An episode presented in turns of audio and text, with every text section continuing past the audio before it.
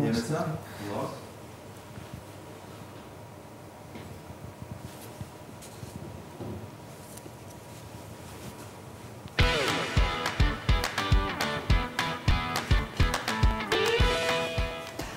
Labas vakaras, sveikinuosi su Laisvės televizijos žiūrovais ir aišku su tais, kurie mus remia ir leidžia renkti laidas. Dėkui, kad tą darot. Kas dar mūsų neprenumeruoja, tai siūlau būtinai tą padaryti, o jeigu dar paspausite varpelį, tai tas varpelis, tiksliau jo paspaudimas, jums padės nepraleisti ne vienos naujos mūsų laidos. Šio vakaro tema - vyriausybė rengia planą, kaip kompensuoti dalį išlaidų perkant na, tam tikras prekes kai kuriuose nustatytose ar kitose parduotuvėse, mažesnėse krautuvėlėse. Taip sako vyriausybė. Kaip tai veiktų ir kodėl tai turėtų veikti? Kas galės naudotis tą sistemą, kai vyriausybė kompensuos dalį vadinamojo kupono arba talono kainos pardavėjui? Kas galės gauti tuos talonus arba kuponus ir ar tai priklausys nuo pajamų, nuo turto ar nuo kokių nors kitų dalykų? Ką bus galima už juos pirkti ir kas nuspręs? Kur ir ką už juos pirkti. Kaip tai veiks pagal ekonominę logiką. Mūsų šio vakaro pašnekovai yra Skirmantas Malinauskas, premjero patarėjas ir Nerijus Mačiulis, Svetbanko Lietuvoje vyriausiasis ekonomistas. Taigi, e, noriu pradėti nuo premjero patarėjo Skirmanto Malinausko. Kokia yra esmė to plano? Nes kai šiandien ieškojome kokiu nors apmatų, Vieni siuntė į Finansų ministeriją, kiti į Žemės ūkio ministeriją. Žemės ūkio ministerija pasakė, kad nekomentuos, kol nėra ko nors konkretaus ir visą tai, kas buvo šiandieną Delfyje apie tą planą, TSA premjero patarėjo pamastymai. Tai kokia esmė yra? Jau ne vienas patarėjas komentavo ir nereikia teko e, diskutuoti su, su, su kitu premjero patarėju. Esmė yra labai paprasta. Kalbame apie tai, kaip sumažinti gyventojų naštą, kalbant apie kainas, kaip pirmas dalykas didinti konkurenciją, kad pačios kainos būtų, tiesiog konkurencinis spaudimas jas mažinti būtų didesnis. Antras dalykas, iš tikrųjų galima pakalbėti apie kompleksinės priemonės, kaipgi padaryti, kad gyventojai arba bent jau dalis jų galėtų už būtiniausius maisto produktus mokėti mažiau. Tai apie tai ir kalbėkime. Taip. Kaip jūs ketintumėte tą padaryti? Mechanizmas siūlomas, toks alternatyvus, yra keli variantai svarstyti, bet konkrečiai kalbant apie šį mechanizmą, jis yra paprastas. Yra vadinama voucherio sistema. Daug kas tai suprato, kad tai turi būtinai būti kažkoks popierinis dalykas, kurį turi nueiti fiziškai nusipirkti Lietuvos paštą ar kažkur. Ne, tai gali būti tiesiog, jį galima nusipirkti, gali būti ir internetu ir taip toliau. Tai nėra labai svarbu, bet esminis momentas yra toks. Gyventojas sumoka 7 arba 8 eurus už 10 eurų vertės voucherį. Valstybė jam suteikia 20 procentų nuolaidą. Valstybė suteikia tą nuolaidą tikslingai tai grupiai, kuriai nori suteikti. Mes, pavyzdžiui, galim kalbėti apie asmenis, kurie gauna mažesnės pajamas, tai jiem yra parama. Taip pat tikslingai, a, kad tie pinigai būtų išleisti ten, kur valstybė nori, kad jie būtų išleisti. Mes, pavyzdžiui, galime kalbėti, kodėl ruošia Žemės ūkio ministerija apie a, ūkininkų par- parduotuvės, kooperacijas, smulkesnės a, šeimos verslus ir taip toliau. Tai noriu paklausti, pono Mačiulio, kaip jūs vertinate tuos, na, kol kas apmatus, kad uh, kažkas, paskui išsiaiškinsim, kas nuspręs, kur ir ką galima pirkti už tuos kuponus. Ir premjeras beje sako, kad maisto kuponai padės ir gyventojams, ir verslui. Ir ar jūs sutinkat, kad padės ir šalies gyventojams, ir verslui? Na, vyriausybė čia nemažai ištraukė zuikių iš e, skrybelės su ta misija sumažinti kainas ir padėti gyventojams. Ir manau, kad paskutinysis tie voucheriai tai yra labai toks ap- aplaužytom ausim ir, ir žvairas tas zuikis, nes tikrai sunku pamatyti e, jo naudą. Ir kol kas matau tik tai vienus trūkumus. Ir e, jeigu, pavyzdžiui, jis būtų nukreiptas į e, juos galima panaudoti tik tai kažkuriuose parduotuvėse, regioninėse, mažesnėse. Tai, na, būtų iš esmės instrumentas e, smulkaus verslo paramai ir nieko bendro neturi su gyventojų perkamosios galios didinimu, nes tai tiesiog, e, na, nukreipiami gyventojai pirkti prekes, kur yra jos brangesnės šiuo metu. Tai čia galima kalbėti apie tokią paramą smulkiam verslui, smulkiam parduotuvėm, bet ar to reikia, tai nežinau, nes iš esmės tuomet reikštų, kad na, mes palaikome mažesnės, neefektyvesnės parduotuvės, kurios šiaip prie normalių rinkos sąlygų neišgyventų, bet e, na, mokesčių mokėtojų pinigais kuriamas instrumentas, kaip jas e, palaikyti rinkoje. Jeigu tai bus tiksliniai voucheriai, kuriuos, pavyzdžiui, duoda tik tai socialiai rimtiniems asmenims, kurie gali juos e, išleisti tam, kad e, na, iš tiesų padidėtų jų perkamoji gale, tai čia vėl dar labiau susikomplikuoja sistema, didžiulis biurokratinis mechanizmas, kam duoti tos e, voucherius, kur nubrėžti tą kartelę. ar jie bus popieriniai ar elektroniniai. Aišku, kad didelė dalis ten tų asmenų galbūt yra neraštingi, kompiuterinio raštingumo trūksta, jie turbūt negalės elektroninio voucherio įsigyti ir jį panaudoti tinkamai.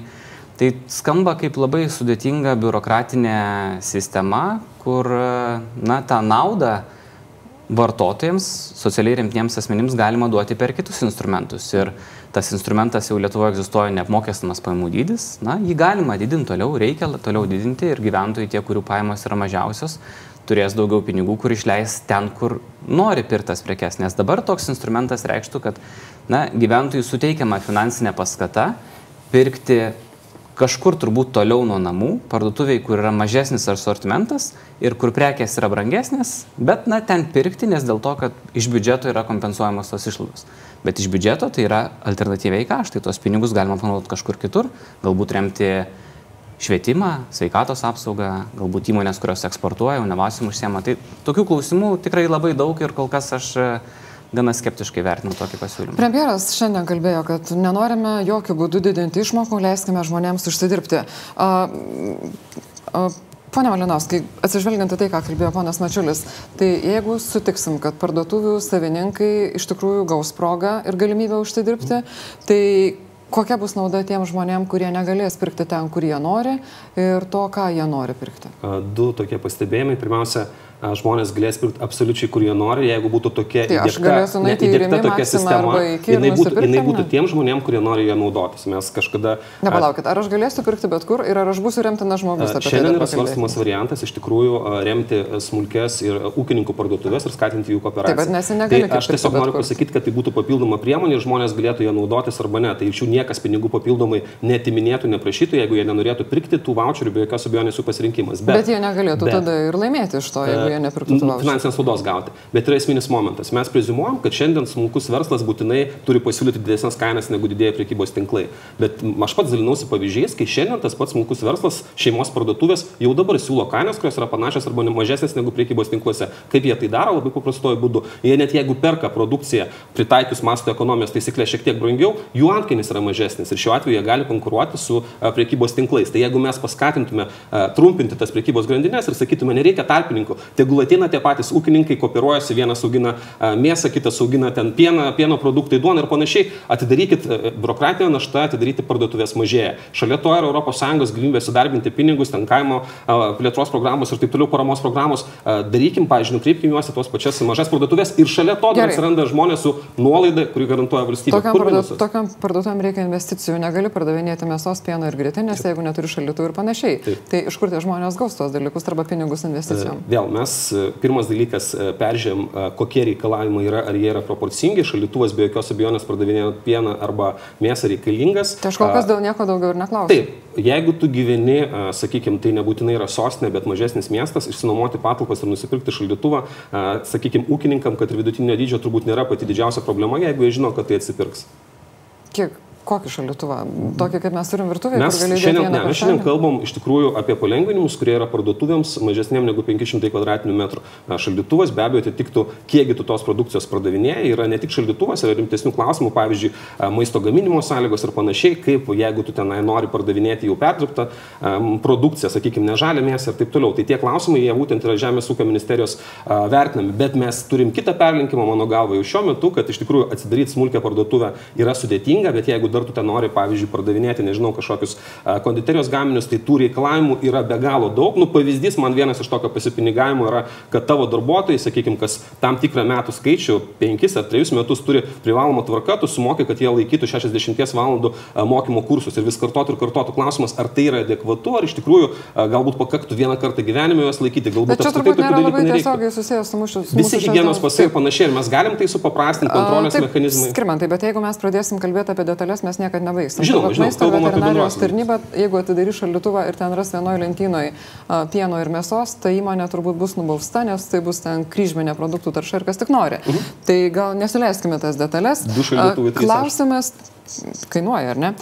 Klausimą mums atsiuntė, ką tik pabėgo, nes turim daug klausimų. Rolandas Paula, beje, jūs irgi galite rašyti savo klausimus laukelėje prie transliacijos.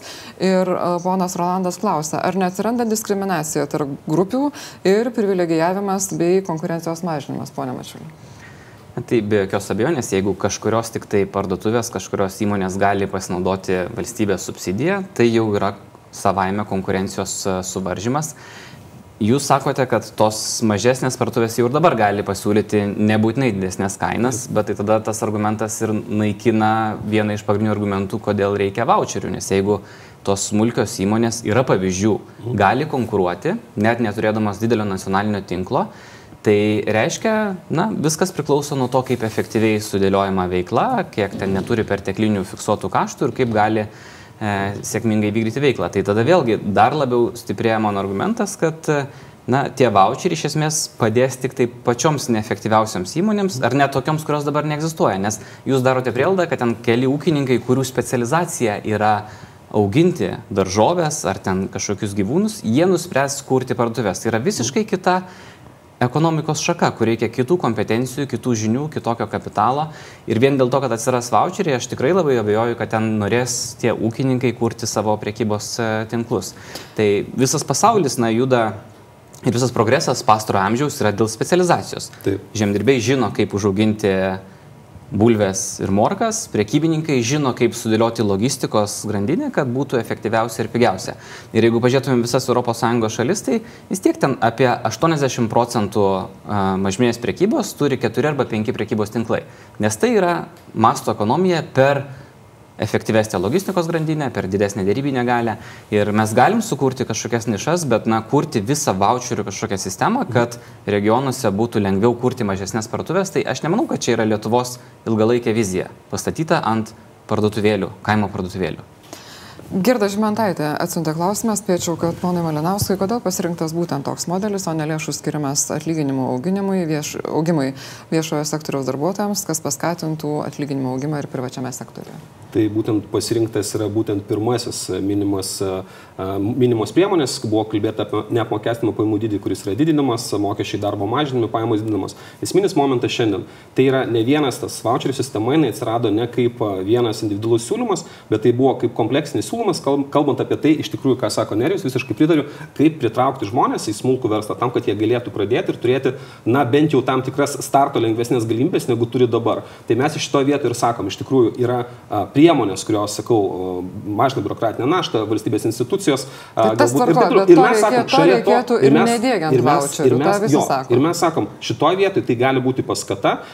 Mes prieš tai kalbėjome apie gyventojų pajamų mokesčio lengvatą iš tikrųjų. Ir mes pasižiūrim, kad taip, ją galima taikyti tačiau labai socialiai jautrios grupės negali pasinaudoti, jie kalbant apie pensininkus arba apie tą patį minimumą uždirbančių žmonės, tai šitoje vietoje turbūt būtų nelabai sąžininga pritaikyti, sakykime, tiem, tik tiem asmenim, kurių pajamos yra didesnės, kas, pavyzdžiui, buvo anksčiau su vaiko pinigais. Tai šitoje vietoje tas instrumentas leidžia pas, išspręsti ir klausimą, kad tie, kuriem labiausiai reikia promos gauna, na, o aš vis dėlto nesutiksiu, mano galva, jeigu iš tikrųjų mes turėtume šiek tiek stipresnį šeimos verslą, smulkesnį verslą, iš tikrųjų taip, aš sutiksiu, kad tai yra diskriminacija, diskriminacija būtent didžiųjų E, priekybos tinklų šiuo atveju tokia pozityvi diskriminacija, nes mes turbūt galim kalbėti apie tai, kad e, lygiai tokia pati diskriminacija yra, kai panašios sąlygos yra taikomos priekybos tinklo parduotuviai, kalbant apie visą naštą ir taip toliau, ir smulkiai parduotuviai. Tada tuo metu visi sako, sąlygos vienodos, bet mes matom, kas darosi. Ar ne, koncentracija pakankamai didelė ir tai ne tik problema, kad yra 4-5 žaidėjai, Lenkijoje irgi yra 4-5 žaidėjai, bet koncentracija, pavyzdžiui, apie 40 procentų,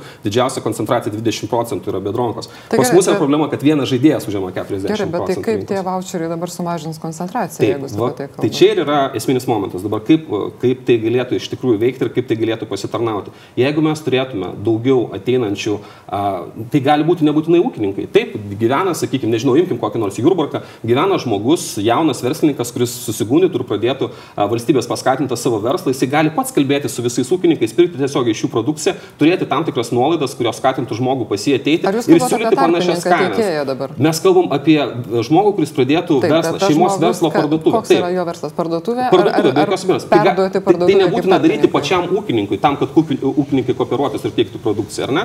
Ir dar vienas dalykas, kai mes kalbam apie tą 20 procentų nuolaidą, visiems irgi kilo klausimas, galbūt reiktų dalinti tokius voucherius už dyką, kaip yra maisto talonai kai kuriuose valstybėse. Bet mes šiandien kalbam apie tai, kad jeigu ūkininkas pasiūlys gerokai didesnę kainą, sakykime, 30 procentų didesnė negu parduotuvėse, pasiniekas su tais voucheriais neįs, dėl to, tai kad vis tiek permokės. Kuriais voucheriai tada? Tai mes jų tiesiog niekas nenaudos, nepirks ir ta sistema neveiks. Bet jeigu, jisai, bet jeigu jisai pasiūlys panašią kainą, pasieis su didžiuliu malonumu, nes pirks greičiausiai geresnės kokybės produkciją ir dar su 20 procentų pasiūlytą nuolaidą iš valstybės. Kodėl ne? Pane Mačiulė, ar jau įsitikino šitas panas, kad tikrai mm. ir ten bus pigiau ir geriau? Ne, aš bandau galvoje įsivaizduoti tokį mechanizmą, kaip jis veiktų. Ir aš suprantu kai kuriuos argumentus, bet vis tiek, na, e, didžiai daliai gyventojų tas patogumo e, momentas yra labai svarbus, kad yra parduotuvė šalia namų su dideliu sortimentu. Ir dabar net ir kažkokiam vidiniam dydžio miestelėje su voucheriais važiuoti vienoje parduotuvėlėje pirkti daržovės, kitoje mėsos produktus, trečioje pieno. Ta vizija matau, kaip jūs įsivaizduojate, bet, e, na, tai tikrai gyventojams nebūtų labai patogu ir tie, kurie neturi darbo, kurie turi daug laiko, jie galėtų pasinaudoti tuo. E, bet aš vis tiek norėčiau tokių ambicingesnių vizijų, kad na, mes matytumėm užimtumą mažesniuose miesteliuose ne prekybos sektoriuje. E, galų gale, juk tai nebūtų visiškai toks nieko nekainuojantis instrumentas. Mes jau kalbam apie biudžeto lėšų panaudojimą. Mhm. Tai jeigu mes jau kalbam apie ES, kalbam apie ES lėšas, kurias galim panaudoti, apie biudžeto lėšas, kurias galim nukreipti skatinimą verslo, tai aš tikrai sugalvočiau, kokių sričių mes galim verslus paskatinti ir tuos pačius jaunus e, bedarbius ar jaunus, ką tik išsilavinimą specialybę įgyjusius asmenis e, patraukti ir, ir įdarbinti, nes vis tiek turbūt sunkiai įsivaizduojam, kad baigęs universitetą, vadybą kažkoks specialistas, na jo džiaugsmas bus sukurti kažkokią parduotuvėlę savo gimtajame mieste, kur pagrindinis pirkėjas bus voucherį turintis žmogus. Na, bet galų gale, net jeigu jis ir turėtų tokią svajonę, jis turi iš to uždirbti kažkaip. Jis negali tik tai paimti voucherį ir atiduoti, nežinau, burokėlį arba dešrelę. Tai... Na, tai kažkokia marža lieka ir tam tarpininkui, bet vis tiek mažmenės priekybos maržos yra labai mažos - 1-2 procentai. Tai mažai parduotuviai, kai esi tik tarpininkas iš kažko nuperki kažkam parduodi, neturint kažkokio parduotuvių tinklo, na tai, tai ir bus tik tai labai mažas šeimos verslas, kur tikrai čia nei nacionalinių kažkokio ekonominių perspektyvų pakeis, nei, nei regioninių mastų, kažin ar turėtų. Aš galbūt skeptiškai vertinu, bet aš taip pat ir bandau žiūrėti kitų šalių patirtį. Ir kitose šalyse voucheriai naudojami dažnai kitais dviem tikslais. Tai yra, kai yra kažkokių prekių ribota pasiūla ir reikia jos paskirsti tik tai tiem, kam jų labiausiai reikia. Arba Tai yra grinai socialiai remtiniems asmenims, kurie vat, nemokamai gauna voucherius arba ten su labai dėlė nuolda, bet jau jie gali juos panaudoti bet kur. Aš asmeniškai nesu girdėjęs tokių pavyzdžių, kad voucherius tik tai labai specifinę vietą galėtum nusinešti ir, ir juos naudoti. Jeigu galima, aš labai trumpai sureaguosiu, tik tai irgi tokių trumpų klausimų. Neriau, bet jūs nuoširdžiai tikite, kad Lietuvoje mažmeninė prekyba yra 1-2 procentų uh, kalbant apie antkainius ir apie pelnus verslas. Taip, mes galim pasižiūrėti į didįjį rinkos dalyvį, kuris deklaruoja 3 procentus, ten 54 milijonai nuo didžiulės apyvartos, bet jeigu jūs pasižiūrėtumėte, kaip iš vidaus visą tai atrodo, įvairios schemos persinomojant iš susijusių įmonių priekybos plotus, didinant savo sąnaudas ir taip toliau. Man tiesiog įdomu, jeigu jūs į tai gilinatės, ar jūs tikite to 1-2 procentais, nes žmonėms turbūt sunku to patikėti. Aš tikrai netikiu, bet žinau, kad voucheriai tos problemos neišspręs. Tai vad ten problema yra, bet turbūt žiūrėkime į problemos esmę ir, ir žiūrėkime, kaip sumažinti tą koncentraciją. Ir pavyzdžiui, net turbūt jūs irgi sutiktumėt, kad dar vienas rinkos dalyvis, toks vidutinio dydžio, Taip. užimantis 10 ar 15 procentų rinkos, tikrai turėtų daug didesnį efektą konkurencijai skatinti, bet ar jį pritraukti būtų lengviau, jeigu egzistuotų voucherių sistema? Aš galiu atskleisti nedidelę paslapti, nors nežinau, ar galiu, bet tik toks atskleisiu, gal nepradės dar vieno tyrimo, bet šią savaitę vyksta susitikimas ministro pirmininko su vienu iš rinkos, na, pasaulinės rinkos dalyvių, kuris, kuris yra gavęs būtent vieną iš tų laiškų garsių išsiustų ir sakė, niekam tikrai bus neįdomu, niekam nebus įdomu. Aš negaliu atskleisti pavadinimo vien dėl to, kad bijau, kad tai tiesiog pakenktų pačiom dėrybom, tai buvo daug kalbėta, bet aš tikrai prašiau, kad na, ta, tas, ta, ta, ta žinutė iš tikrųjų po sutikimo būtų labai aiškiai vardinta. Tai yra vienas dalykas. O antras dalykas, tikrai, kai mes kalbam, tai yra voucheriai yra vienas iš aspektų. Taip pat aš pažadu tikrai, kad bus ir kitų naujienų. Mes matom, kad yra problemų tokio masto, kur dešimtmečiais yra nejudinti, netgi kalbant apie elementarų galiojančių įstatymų laikymasi. Tai šitoje vietoje čia ne tik klausimas susijęs su parama smulkiam verslui arba žmonėm, bet tai yra klausimas apskritai, kodėl, sakykime, ta didel, itin didelės koncentracijos rinkos ir didėja priekybos tinklai, tai buvo ratu sėkmingai apinami. Bet, tai bet skirmantai, ar tai nėra vėlgi kita tema? Turite valdžią, turiu galvoje tą partiją, su kuria dirbate, tai reikėtų priversti laikytis tų įstatymų. Dabar kalbėkime apie tuos voucherius. Taip. Ir štai mūsų žiūrovas dar vienas, Arūnas Daunoras rašo. Tarkime, mūsų miestelėje yra viena Maxima, du iki ir trys aibės tinklų parduotuvės. Kuo būtų naudinga voucherių sistema, net jeigu ateitų ketvirtoji, tai didelio pasaulinio priekybinio mhm. tinklo parduotuvė. Tai mes galim tada kalbėti apie voucherius, nes turbūt didelė tai prekybinė parduotuvė ne, ne, nesiūlytume voucherius. Mes pasiūlytume. Taip. Jeigu pas jūs yra koncentracija tokia, kad jūs turit pasirinkimą tik tai iš trijų prekybos tinklų parduotuvių, vis dėlto tikėtina, kad panaši situacija kaip ir visoje Lietuvoje, kainų lygis yra pakankamai aukštas ir dedamos antkinis yra pakankamai didelis. Ta mes matom iš tiekėjų. Mes siūlytume jūsų, sakykime, jūsų rajono, regiono kažkam vietos smulkiam verslininkui arba ūkininkams sakyti, žiūrėkit, jūs galite ateiti ir pabandyti pakonkuruoti su priekybos tinklais. Šiuo metu, šiuo metu jų antkainis, pačiu blogiausiu atveju jūs rizikuojat labai nedaug, nes mes kaip valstybė jūs suteikiam labai daug paskatų. Tai Kokių paskatų? Jums nėra, sudė, jum nėra sudėtinga. kompensacija už tuos 3 eurus? Žiūrėkit, jums nėra sudėtinga uh, Pirmas dalykas, nėra tiek daug biurokratinių kliūčių. Antras dalykas, mes iš tikrųjų kalbam, Žemės ūkio ministerija vertina, ar gali panaudoti ES paramą būtent tokių parduotuvių steigimui. Trečias, taip mes siūlome voucherius, pabandykite 2-3 mėnesius, jeigu visą tai jums ne, net ir to nepakaks, kad jūs galėtume užsikabinti, na, nieko nepadarysi. Bet tai, tai jau yra tokio, paskatas. Jeigu bankrutuos su tais visais ES pinigais ir bet, ne, bet be šitų, bet be šitų sprendimų, be šitų palengvinimų bankrutuoti daug kartų būtų lengviau. Net pradėti šiuo metu yra labai sudėtinga. Mes skatinam, kad tai padarytų padarytų. Ir jeigu būtų iš tikrųjų pradžia ir bent jau dalis pasiūlytų konkurencingesnės kainas didesniem priekybos tinklam, tai irgi būtų akivaizdus pavyzdys, kad galbūt ir mums reikia šiek tiek judėti į apačią su savo antkiniais dėl to, kad kažkas gali konkuruoti. Sakau, Marijampolė toks pavyzdys buvo, trys šeimos parduotuvės, e, pateikėm konkrečius pavadinimus, kiekvienas gali nueiti, nebereklamuosiu iš naujo, pasižiūrėti, kad ir šiandien jų kainos iš principo yra tokios pačios arba kai kuriais atvejais mažesnės. Pone Mačiulį, ar voucheriai tikrai yra ta tas pats gerasis būdas skatinti, kad ir šeimos priekybas, mažas krautuvėlės ten, kur yra trijų tinklų parduotuvės. Ir ar nu. tikrai ne, vienintelė rizika yra, na, bankrutuoti, kaip sakė. Blogiausiu atveju bankrutuoti. Na, būna blogesnių atvejų, ko žmonės imasi bankrutavę. Ne, aš manau, labiau tikėtinas e, scenarius čia, kad tiesiog nepasteisins tie voucheriai. Ta prasme, jog nes nebus pliūpsnio naujų parduotuvių ir naujų verslų nes jis kaip instrumentas yra labai nepatogus. Aš, pavyzdžiui, pats dažnai būnu Tytuvnose 5000 gyventojų miestelis su trim nedėlėm parduotuvėm. Ir e, man, pavyzdžiui, labai patiktų, jeigu ten atsirastų dar kokia nors vandelių ar duonos kepikla, kur kiekvieną dieną gali išvežios šiltos duonos. Bet, bet aš nu netikiu, kad voucheriai tai pakeistų ir man pačiam ten už voucherius pirkti tokius produktus būtų nepatogu. Tai toksai papildomas biurokratinis mechanizmas, kuris na, nepalengvintų nei vartotojų ir nesu tikras, ar padėtų ir, ir pačiai, pačiai įmoniai. Tai tie kiti instrumentai, kuriuos jūs minėjote, administracinės naštos mažinimas, kažkurios mokestinės lengvatos, gal dar kažkas tai priklausomai nuo to, kiek darbuotojų dirba ir kokiam regione jos teigiasi tos įmonės, tai tų priemonių, man atrodo, yra.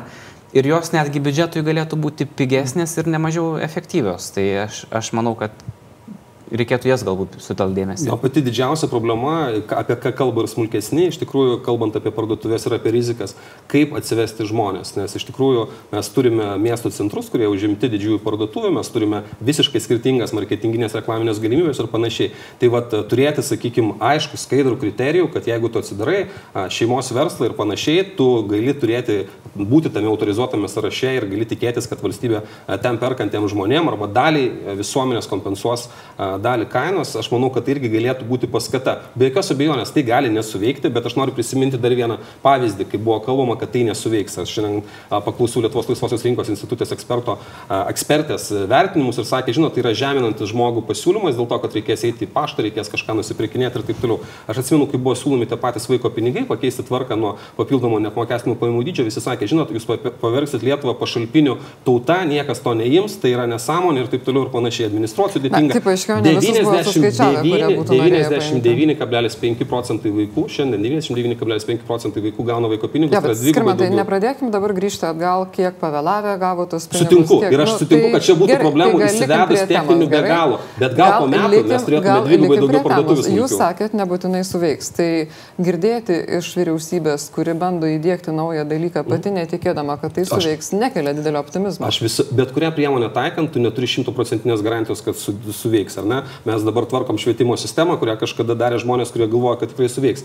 E, Bet Gal irgi sakė, nebūtinai aš dabar visą laiką sakau, pasižiūrėkim rizikas, kas atsitiktų pačiu blogiausiu atveju. Taip, sakykime, pradėtas verslas nepasiteisintų, reikėtų uždaryti, bet daliai gyventojų kišenėse liktų daugiau pinigų, dalyje Kur jie smulkių liktų tie pinigai? iš valstybės per tas pačias Jeigu, ne, dotacijas. jeigu ne, nepasisekė verslas ir Tai bankrutavo. dar ta kartą tiem žmonėm, kurie vis dėlto sugebėtų voucheriais pasinaudoti, jie gautų tą nuolaidą, tai tiesiog jų pajamos šiek tiek padidėtų trumpuoju periodu, ar ne, jeigu nepasiteisintų, turbūt sistema atšaukta. Na ir tiem žmonėm, kurie a, ateitų į verslą ir kurie galėtų naudotis jau iš kitos pusės, kaip pardavėjais tais voucheriais, irgi šiek tiek padidėtų kurį laiką pajamos. Viskas. Tai yra, tai yra didžiausia rizika, kokia gali būti. Aš tikrai netikiu, kad ateitų, a, pradėtų ten dešimtis tūkstančių naujų parduotuvių kurtis ir paskui mas- masiškai dešimtis tūkstančių bankrutuotų. Žmonės vis tiek skaičiuotų, bandytų, pradėtų turbūt mažais žingsniais ir taip Taip, toliau. apie ką aš neka. Yra dar vienas toks, na, tarsi techninis dalykas. Pagal tuos apmatus, kuriuos mes dabar girdim, nes, nu, realiai ne, negali paskaičiuoti, nes nieko nėra išrašyta, tai ta parduotuvėlė, kuri, tarkim, atsidaro, a, jie tą valstybės apmokamą skirtumą, tarkim, 3 eurus iš 10, jinai gauna mėnesio pabaigoje, ar ne? Taip. Kaip tas veikia smulkų verslą, kai tu atsiskaitimus sulauki tik mėnesio pabaigoje? Oi, aš čia tokių klausimų galima turbūt dar dešimt surašyti, pradant nuo to, kur mes nubrėšime kartelę, kokio dydžio ta įmonė bus, jeigu yra, pavyzdžiui, dešimt mažų parduotuvėlių skirtingose miestuose to pačio rajono, ar tai yra maža ar didelė įmonė, kiek darbuotojų ten turi dirbti. Tai tikrai pagrindinis argumentas prieš yra tai, kad tai yra brangiai kainuojanti biurokratinė sistema, taip vadinkime. Ir, ir dėl to jos įgyvenimui matau daug labai barjerų. Bet aš gal norėčiau net e, atsitraukti truputėlį nuo konkrečiai šios priemonės ir pažiūrėti, iš, iš kur visa tai kyla. Tai kyla iš noro kovoti prieš aukštas kainas ar prieš kainų kilimą. Bet jeigu mes pažiūrėtumėm, kokios yra Lietuvoje maisto kainos, jos yra mažesnės nei Latvijoje, mažesnės nei Estijoje. Jos yra šiek tiek didesnės nei Lenkijoje, bet pagrindinė to priežastis yra lengvatinis PVM tarifas ir aišku dešimt kartų didesnė rinka. Galbūt ir didesnė konkurencija. Tai šiaip jau taip matuojant objektyviais kriterijais, jūs bandote spręsti problemą, kurios ne visai yra, taip vertinant iš, iš makroekonominių pozicijų. Ir, ir jeigu matote, kad iš tiesų yra per didelė koncentracija, ten žiūrint, kas turi pusę rinkos, tai tą galima spręsti per konkurencijos e, skatinimą. Bet e, šiaip jau kova su kainomis, e, su aukštomis kainomis arba bandymas užspausti kainą kuo žemiau, dažnai turi tokių šalutinių neigiamų pasiekmių. Darbdavys tuomet sako, aš negaliu kelti atlyginimų, nes negaliu didinti kainų, išaldytos kainos, ar ne? E, tikrai turbūt ne viena įmonė yra pasakius savo darbuotojams tokius argumentus, pažiūrėkite, kaip viešoje erdvėje neigiamai vertinamas bet koks kainų augimas.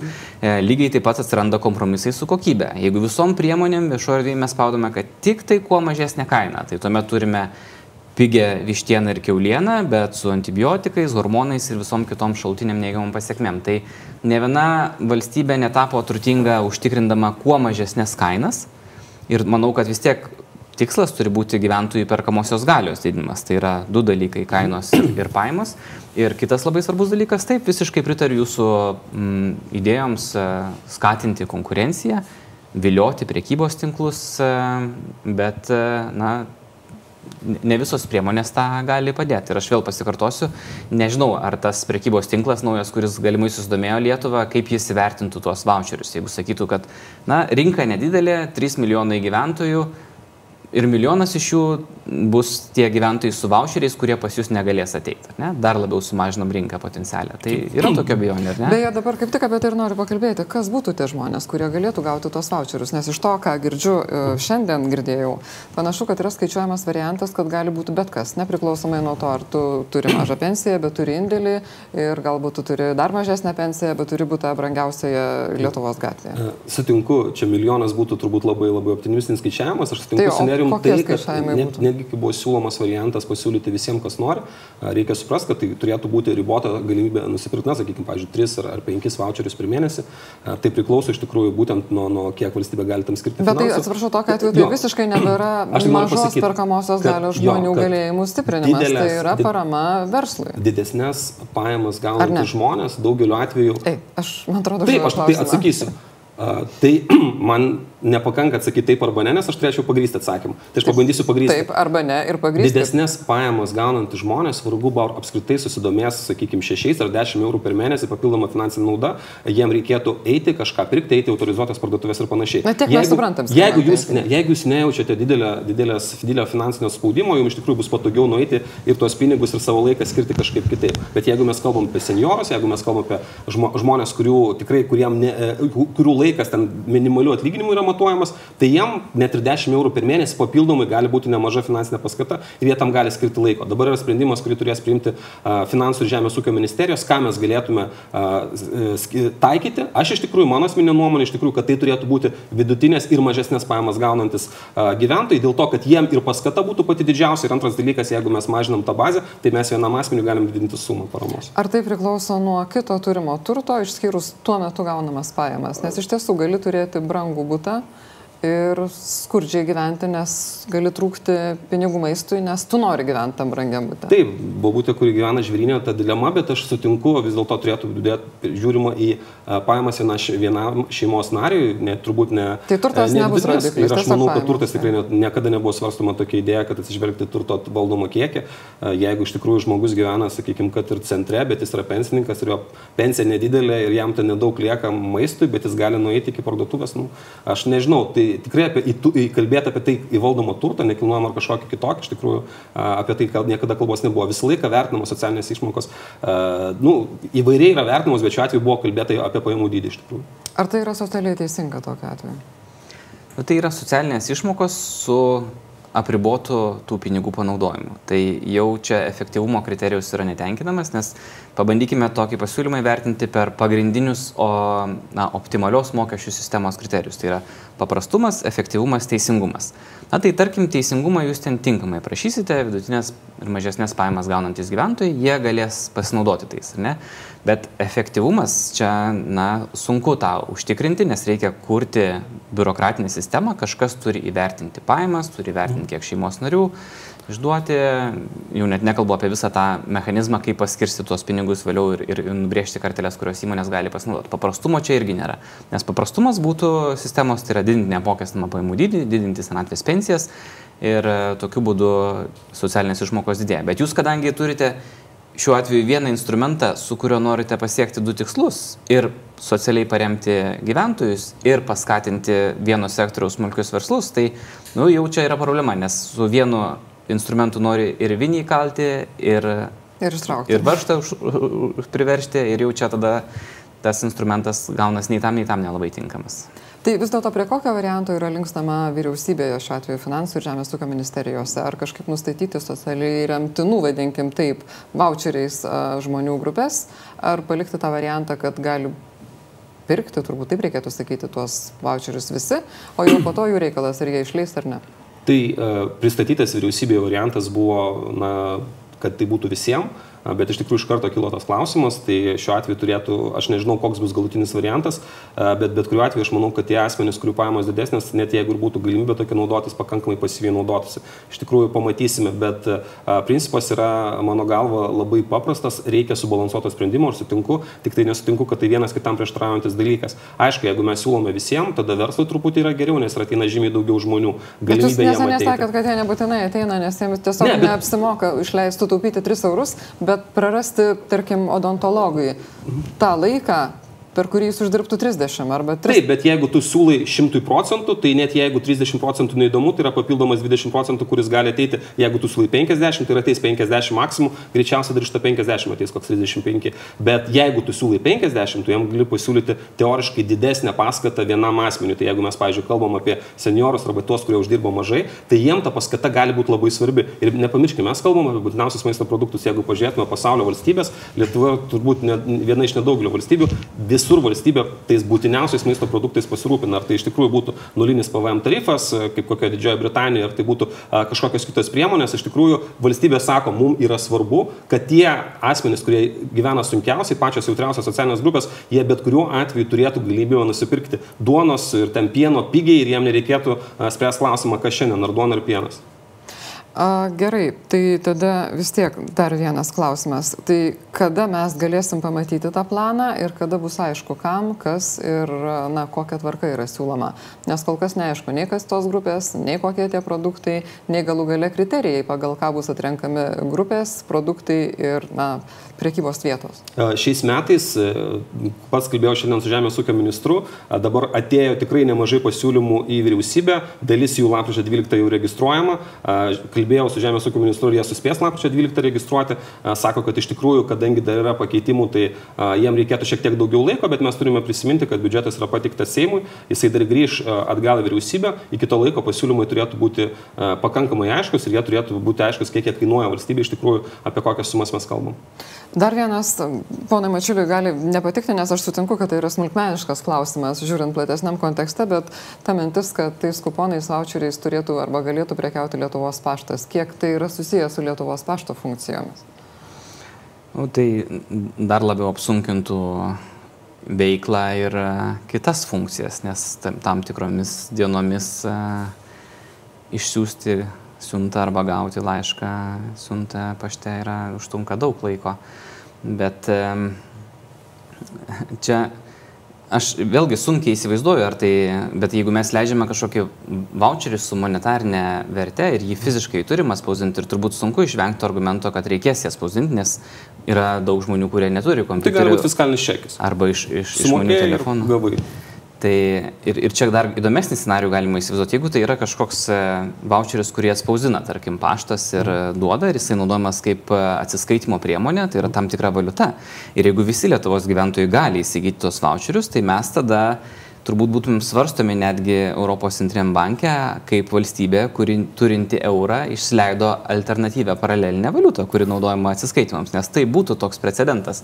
Šiaip Lietuva negali, būdama e, ekonominės pinigų sąjungos narė, įsivesti alternatyvių valiutų. Tai, tai vėlgi čia dar vienas argumentas neduoti visiems tų voucherių, nes jisai jau priartėja prie valiutos, jeigu jie gali naudoti atsiskaitimui kažkuriuose e, parduotuvėse. Ta techninė aspektai jisai buvo nagrinėtas, iš tikrųjų niekas nedarytų voucherių, kurie būtų ten ypatingai apsaugoti kažkokiais uh, vandens asmens ženklais ir panašiai, kas iš principo kokia yra voucherio sistema, ji nėra labai paprasta. Mes kalbam apie tai, kad valstybės registruose jau šiuo metu turi informaciją apie asmenų pajamas, apie ten daugiavaikės šeimas ir taip toliau ir panašiai. Ta informacija yra surinkta, mes kalbam apie elementarų čekį, tu ateini ir nusipirki taip, kaip perki, nežinau, kažkokią pildymo kortelę ar kažką, tu sumoki 7 eurus, tau yra išmušamas čekiukas, kad tu sumokėjai 10, ta sistema, informacinė sistema jau yra, kaip su PVM, kvitais, mm. loterijom ir taip toliau. Jeigu tu nueini autorizuotą parduotuvę, tu parodai savo ID kortelę, tu sako, o mes matom iš mėnesį nusipirko 3 voucherius. Jūs norite išleisti 30 eurų, norite 20 išleisti šiandien, išleiskite 20, 10, ateikit kitą kartą. Tai ta sistema nėra tikrai tokia sudėtinga administravimo, jeigu mes kalbėjome apie gyventojų pajamų mokesčio galimą susigražinimą, tai ten iš tikrųjų kilo galvos skausmas, nes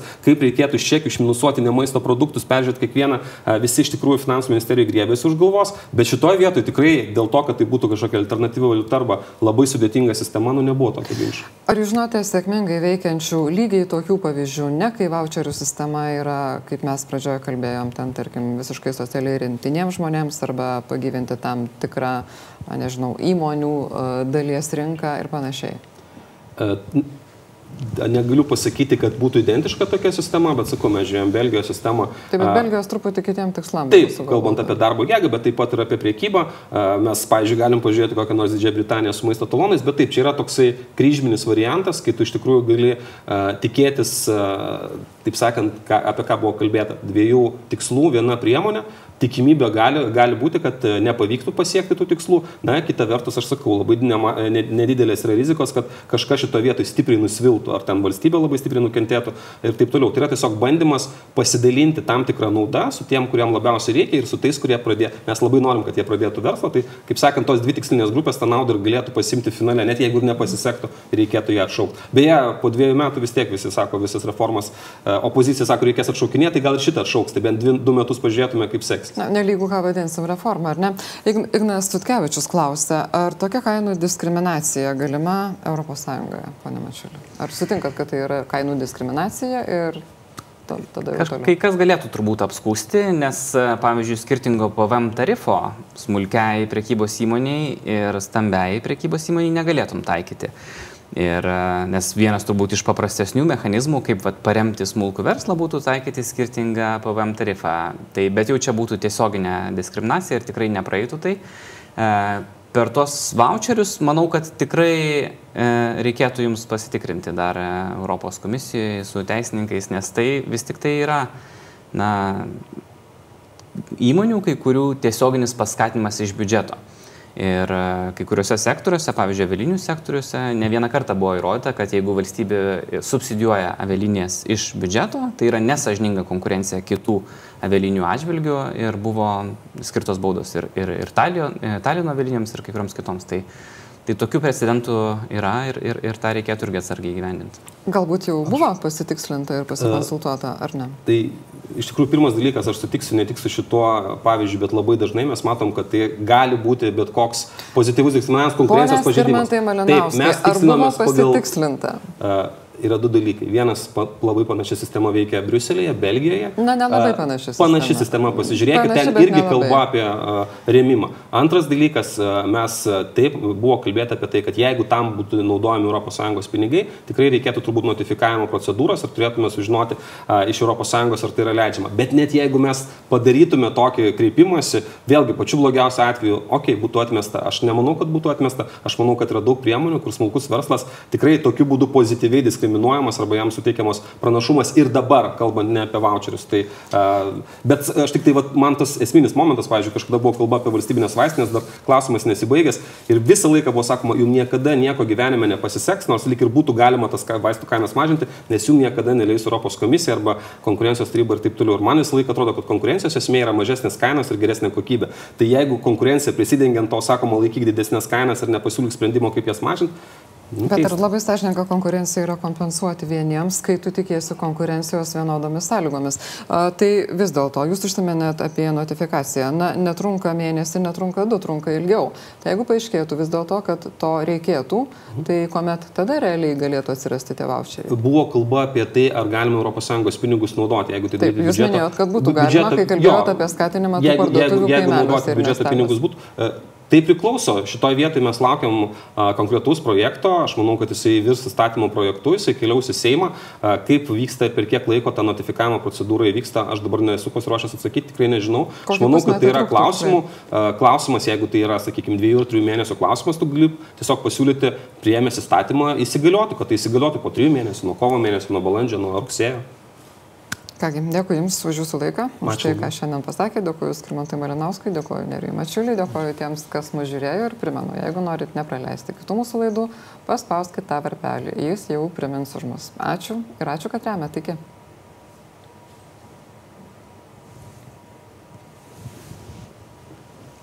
Dabar visi sustingo, aš jau, jau galima.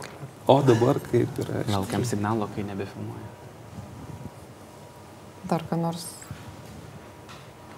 Algut? Kažkaip, kai žiūri, atrodo tamsesnis fonas, ten tokioj tamsoj, sėdi dar ten taip atrodo studija, kai nufilmuota, nes čia tai šviesu labai.